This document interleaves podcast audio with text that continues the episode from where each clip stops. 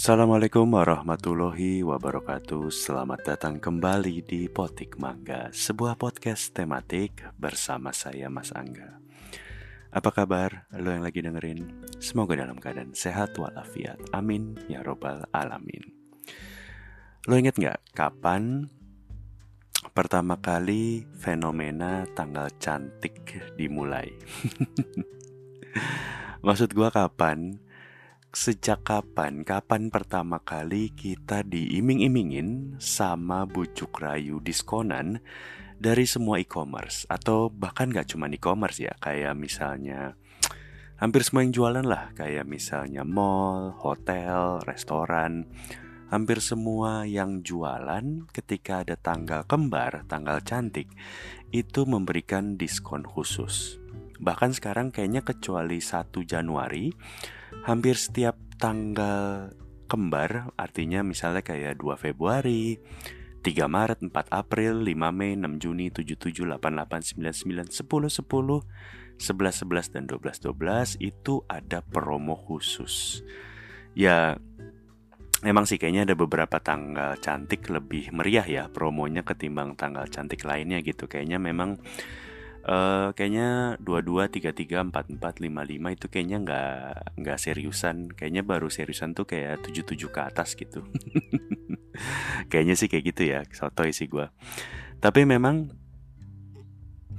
um, dulu itu ya, kayaknya heboh diskon itu seinget gue cuman kejadian di 12-12 alias 12 Desember. Karena emang kalau nggak salah 12-12 itu udah semacam dijadikan hari belanja online nasional. Walaupun memang bukan secara resmi oleh pemerintah ya.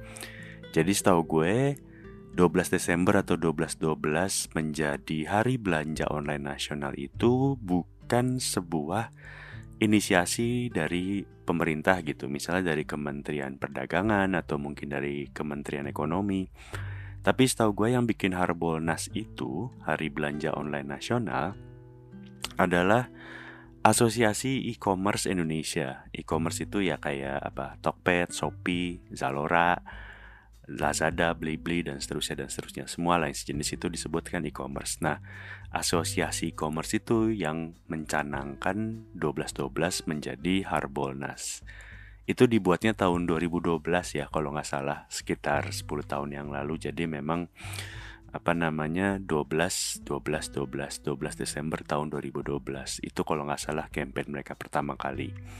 Karena itu sebuah campaign yang sukses makanya singkat gue 12 12 atau Harbolnas itu jadinya tiap tahun ada terus gitu. Mungkin lo sekarang agak aneh ya Hari ini ketika lo mendengarkan episode ini lo mungkin merasa aneh kenapa sampai bisa ada sebuah hari yang dicanangkan untuk hari belanja online nasional. Karena dulu pada tahun 2012-an ke bawah ya 2011 dan seterusnya Belanja online terutama di e-commerce memang belum selazim sekarang, belum seheboh sekarang orang masih demen belanja ke toko fisik untuk beli barang. Artinya beli baju masih demen ke mall buat nyobain langsung bajunya.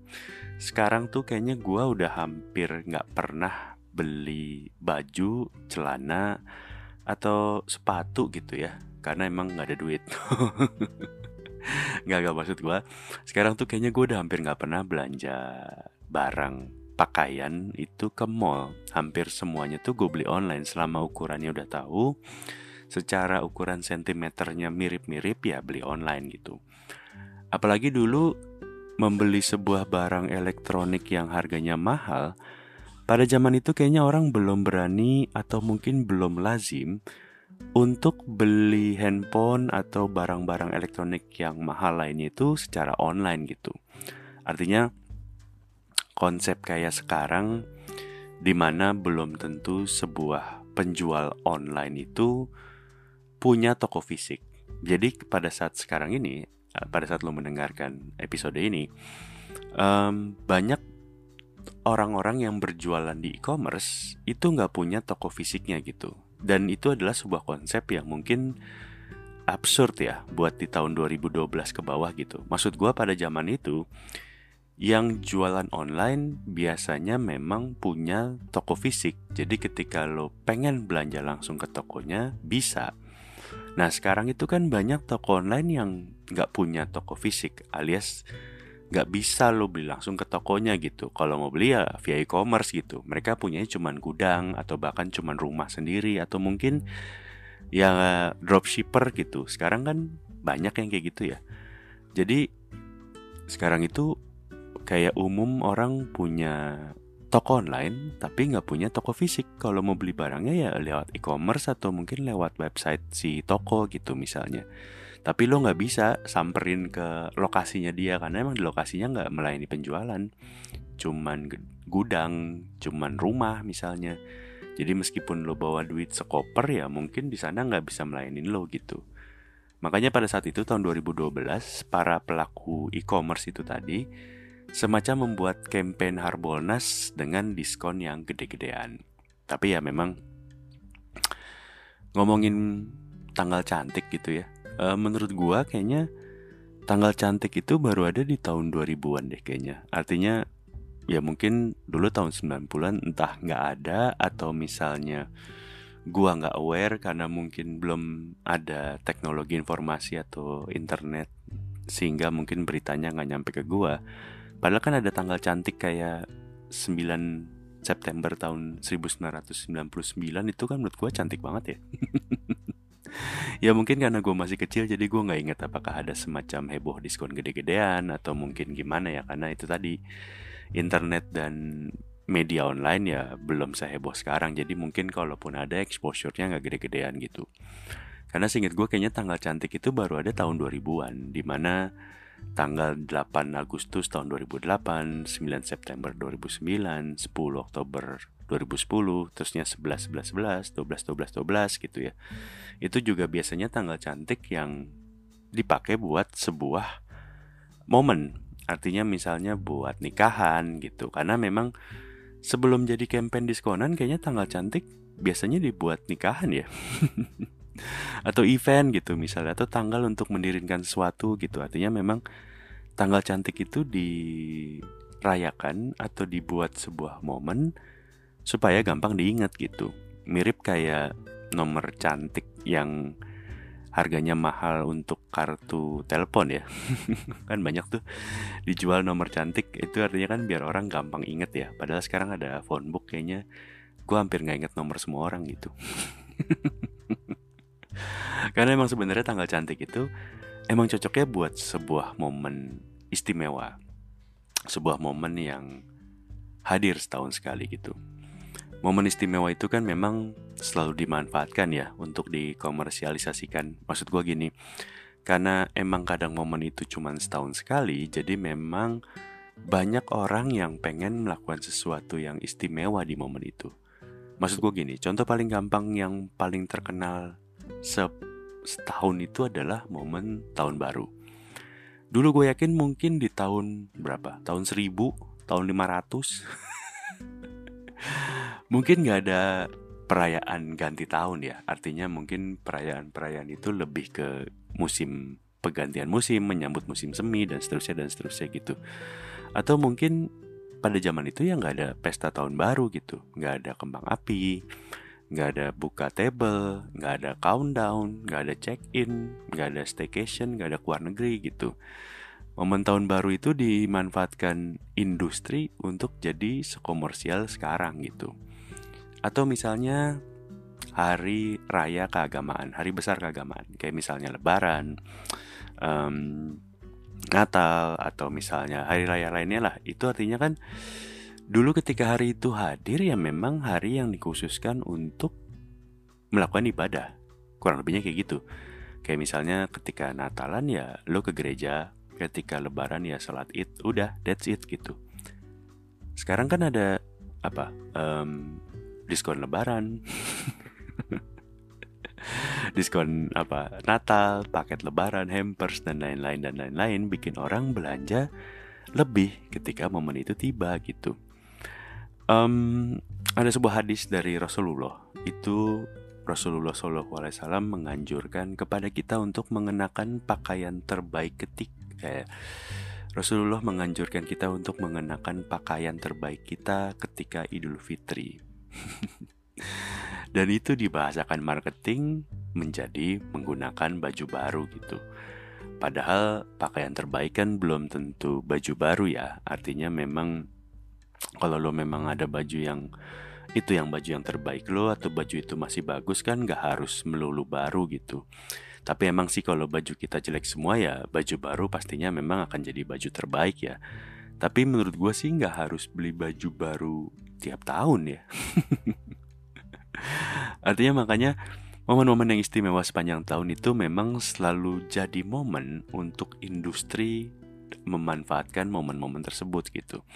Karena kan memang tiap tahun akan selalu ada momen istimewa, yaitu tadi kayak misalnya tahun baru, lebaran, Natal, Imlek gitu. Tapi kan hari-hari keagamaan itu mungkin momen-momen yang segmented ya. Artinya mungkin dulunya momen lebaran itu diskonnya ya memang hanya seputar baju lebaran gitu. Baju muslim alias eh, baju-baju untuk menyambut hari raya Idul Fitri gitu atau mendingan atau mungkin pada saat Natal uh, yang promo adalah keperluan Natal uh, alias mungkin yang tidak merayakan Natal kan tidak mungkin beli keperluan Natal ya. Tapi sekarang mau apa pun momennya yang didiskon memang semua barang. Gak cuman lebaran baju muslim doang yang diskon, gak Natal yang cuman yang diskon keperluan Natal gitu. Apa pun barangnya, kalau tokonya mau, produsennya mau, industrinya mau ya semua diskon sama rata gitu. Apa pun momennya yang didiskon semua barang, semua makanan, uh, barang elektronik, gadget sampai jualan rumah, jualan apartemen ada promo diskon lebaran gitu. Belum lagi momen-momen kayak misalnya 17-an, promo perayaan kemerdekaan. Ditambah dengan momen-momen yang memang kayaknya diadaptasi gitu dari luar negeri atau momen-momen yang di luar negeri itu industri di sana menciptakan momen tersebut sehingga ada efeknya ke kita di Indonesia gitu. Kayak misalnya Valentine, Valentine itu kan di sini tadinya tidak ada, jadi ada dan ada diskon Valentine. Valentine itu adalah hari di mana coklat dan bunga jadi komoditi paling laris di Valentine. Itulah bagaimana industri coklat dan industri kembang bunga memanfaatkan momen Valentine gitu. Atau misalnya momen-momen yang bukan tanggal merah juga gitu. Kayak misalnya diskon hari ibu diskon hari guru diskon apa ulang tahun Jakarta gitu. Ya itulah para penjual memanfaatkan momen istimewa yang cuman hadir setahun sekali. Kalau lo nanya kenapa banyak penjual menggunakan bahasa marketing dengan memanfaatkan momen menurut gua salah satu jawabannya adalah karena memang orang cenderung ingin merayakan sebuah momen. Dan turunannya adalah orang kadang ingin membeli barang sesuatu menunggu momen. Ngerti gak maksud gue? Atau misalnya orang kadang suka merayakan momen sehingga perayaan itu kan identik dengan kado, dengan membeli barang untuk hadiah gitu. Uh, di Amerika itu ada Black Friday. Black Friday itu adalah hari Jumat setelah Thanksgiving. Uh, Thanksgiving itu kan Kamis biasanya, Jumatnya Black Friday, Seninnya ada Cyber Monday. Itu adalah momen di mana diskon gede-gedean untuk menyambut momen Thanksgiving. Jadi memang uh, di Amerika Serikat itu selain Natal, uh, Thanksgiving adalah momen ranking 2 ya, runner up dia buat orang-orang untuk membeli kado untuk orang lain. Di Thanksgiving itu juga biasanya ada semacam tradisi kayak mudiknya orang Indonesia lah. Jadi yang mungkin bekerja di kota-kota besar kembali ke kampung halamannya makan sama orang tuanya sambil membeli barang-barang. Dan itu makanya dimanfaatkan dengan Black Friday, dimanfaatkan dengan Cyber Monday, kurang lebihnya kayak gitu. Kalau di Inggris ya uh, dan negara-negara yang di bawah Ratu Inggris, itu ada momen namanya Boxing Day. Boxing Day itu adalah sehari setelah Natal alias 26 Desember disebutnya Boxing Day. Boxing Day itu adalah momen di mana diskon dan promo gede-gedean buat orang beli kado Natal atau berbagi sama yang membutuhkan gitu alias mungkin pada saat perayaan Natal banyak yang belum beruntung, banyak yang tidak mendapatkan kado Natal dan di Boxing Day itu awalnya semangatnya untuk berbagi kepada sesama. Tapi ya gitu, dibuat oleh industri diskonnya gede-gedean orang jadi belanja ya nggak cuma buat kado tapi buat dirinya sendiri gitu. Makanya menurut gue mungkin fenomena diskon tanggal cantik seperti di 7 Juli dan seterusnya gitu adalah um, momen yang dibuat supaya orang punya momen untuk belanja. supaya lo gak cuman belanja pada saat lebaran atau natalan doang gitu supaya lo belanja tiap bulan alias ini adalah sebuah momen yang diciptakan. Sebuah penerapan sempurna dari bagaimana lo jangan menunggu momen tapi ciptakanlah momen sendiri. Cailah. Tapi lo maksud gue eh tapi lo ngerti maksud gue kan? Artinya memang ini diskon-diskon yang diciptakan itu supaya lu belanja tiap bulan ketimbang lu nunggu lebaran, nunggu natalan, nunggu imlekan. Industri ini membuat lu berpikir gimana kalau kita bikin diskon setiap tanggal cantik gitu. Ya mungkin memang diskonnya tidak semenarik itu ya. Artinya memang ketika momen ini terus berulang tiap bulan kan mungkin diskonnya tidak semenarik itu atau mungkin tidak seworth it itu. Sebagian pasti tentunya iya ya. Artinya memang akan ada barang-barang yang potongannya lumayan, apalagi kalau lagi momen-momen diskon itu gitu. Tapi ya memang ada barang-barang yang sebenarnya diskonnya bahasa marketing doang gitu. Oh ya mungkin beberapa udah di up dulu harganya sebelum diskon gitu. Jadi misalnya Harga normalnya itu 100 ribu rupiah nih. Jadi pada saat momen diskon itu uh, dibuat diskon 50% tapi ceritanya dari harga 180 ribu. Artinya uh, total diskonnya setelah 50% cuma 90 ribu. Artinya memang uh, sebenarnya diskon aslinya cuma 10 ribu alias cuma 10% Cuma dengan bahasa marketing mereka mereka membuat seolah-olah diskonnya 50% Atau mungkin yang paling brengsek belakangan ini menurutku adalah Promo diskon 90% tapi maksimal Rp10.000 Diskon 90% tapi maksimal Rp10.000 tuh gimana ya? Itu kayaknya diskon-diskon yang cocok untuk para ahli matematika ya Baik guru matematika, dosen matematika, mahasiswa matematika gitu ya Jadi nanti jika diskon 90% adalah sebesar Rp10.000 Maka berapakah harga barang yang harus dibeli? Aneh banget sih tuh diskon 90% tapi maksimal 10 ribu rupiah. Aneh banget sih. Tapi itu tadi ini memang adalah bahasa marketing. Ini adalah sebuah bahasa iklan. Gue selalu ngomong ke lo ya Kalau lo mungkin masih inget di berbagai kesempatan Penjual itu gak pernah salah. Yang jualan itu gak pernah salah. Pembeli yang harus bisa hati-hati dalam membeli sebuah barang atau jasa gitu Artinya lo yang sekarang lagi berencana membeli sesuatu di diskon uh, periode 77 gitu misalnya, itu adalah lo yang beli harus waspada. Jangan impulsif, tapi ya mungkin jangan terlalu lama mikirnya juga karena emang ada barang-barang yang uh, belinya emang dulu-duluan gitu sebelum barangnya habis gitu. tapi gue juga maksud gue gini, lo harus hati-hati dalam membeli tapi lo juga jangan terlalu lama berpikir kalau memang barangnya sediskon itu. Artinya kalau lo pengen membeli sesuatu gue sih akan selalu cari tahu dulu harga pasarannya berapa. Apakah toko itu yang jual apakah barang itu yang jual toko itu doang? Apakah banyak toko? Berapakah harga sebenarnya? Berapakah harga rata-ratanya? Kurang lebihnya kayak gitu ya gue tidak menyarankan lo beli dengan harga normal ya. Artinya memang gue sebagai duta sobat miskin sangat menyarankan lo membeli sesuatu dengan harga yang lebih murah kalau lo bisa gitu. Tapi memang apa ya? Kadang ketika lo kalap, ketika lo ngejar diskon, lo jadi membeli barang yang mungkin gak kepake, jadinya mubazir gitu. Um, lo pasti pernah lihat promo. Misalnya katakanlah kalau lo beli 5 diskonnya jadi sekian. Kalau lo beli 10, diskonnya jadi sekian. Atau ada sebuah promo atau sebuah aplikasi atau sebuah toko misalnya yang uh, promonya ketika lo minimal belanja sekian, lo baru dapat diskon sekian persen. Artinya misalkanlah gini, barang yang lo pengen harganya 70 ribu. Lo pengen ya, lo pengen misalnya lo pengen beli barang A, harganya 70 ribu dengan hmm, apa namanya ongkos kirim 10.000 artinya jumlah uang yang harus lo keluarkan sebenarnya 80.000 kalau lo cuma beli barang itu. Tapi di toko itu di toko itu ada promo di mana kalau lo beli tiga itu akan diskon 10% artinya eh akan diskon 50% misalnya katakanlah.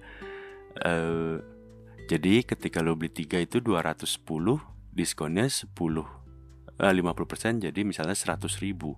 Dengan ongkos kirim 10 ribu lagi jadi harus misalnya lo harus keluarin duit 120 ribu. Artinya dengan lo nambah 50 ribu lo dapat dua barang tambahan. Terlihat sangat menarik tentunya. Tapi apakah lo membutuhkan dua barang itu? Ya kan belum tentu gitu. Contoh yang paling gampang sih makanan di ojek online ya. Kayak di Gojek atau di Grab gitu ya kadang lu harus belanja minimal tertentu supaya bisa dapat diskon gitu. Memang sih diskonnya jadi berasa banget tadi kayak gue bilang, anggaplah satu nasi goreng 20 ribu, ketika lu beli tiga jadi diskon jadi 50% gitu. Tapi apakah lu butuh tiga nasi goreng kalau lu sendirian gitu? Artinya makanan segitu banyak buat apa kan siapa yang makan dan seterusnya akan mubazir gitu.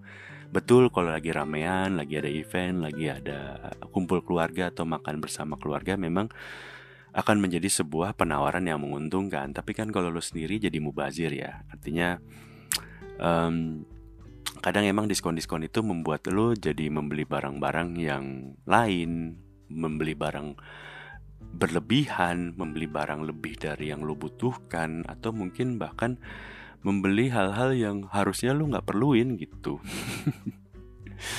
Ada promo yang memang menurunkan sebuah barang gitu ya. Misalnya minyak goreng tadinya 18.000 sekarang jadi 11.000 tapi barangnya tidak ada. maaf, maaf, maaf, bukan salah. Bukan itu, bukan itu contohnya. Maksud gue gini nih, ada apa namanya? Misalnya promo nih, promo. Ini contoh yang gue yakin lo sering nemuin. Ada contoh misalnya lu ke sebuah restoran. Harga makanan misalnya harga satu ayam satu potong ayam tadinya 20 ribu itu jadi 5 ribu misalnya. Menguntungkan bukan? Iya. Tapi kalau lu membeli ayam yang 5 ribu itu harus disertai dengan belanja makanan yang lain. Lu nggak boleh beli ayam ini doang. Lu harus beli nasi atau lu harus beli kentang lu harus beli sop atau lu harus beli ikan dan seterusnya dan seterusnya yang mungkin harganya normal. Sehingga lo yang tadinya cuma mengeluarkan ribu rupiah buat ayam lo jadi belanja misalnya ribu atau ribu gitu. Itu namanya subsidi silang ya teman-teman ya. Jadi memang pedagang itu kan memiliki banyak taktik banyak cara ya untuk biar dagangannya laku gitu ya. Alias ketika dia menurunkan harga di sebuah barang dia pasti akan dapat profit di barang yang lain. Itu yang namanya subsidi silang gitu. Jadi setelah lu berpikir ayamnya harganya murah 5000 perak lu pasti akan berpikir gue beli apa lagi ya? Beli minum, beli snack, beli mainan, beli mobil, beli rumah tipe 36 gitu misalnya.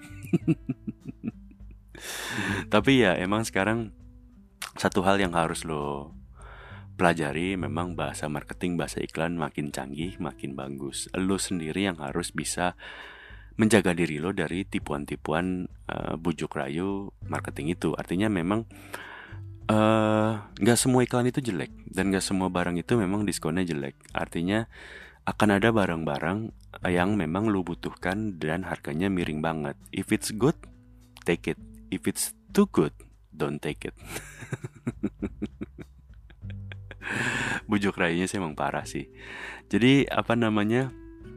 Pikirkanlah kembali pertama lo butuh barangnya atau enggak? Karena gini um, kenapa Indomaret sama Alfamaret selalu sebelahan? Kenapa? Karena ini konon ya ini konon. Gue hanya membaca konon kalau Indomaret atau Alfamaret tidak sebelahan alias cuma ada Indomaret atau cuma ada Alfamaret lu sebagai konsumen akan cenderung berpikir apa ada yang gue beli apa enggak?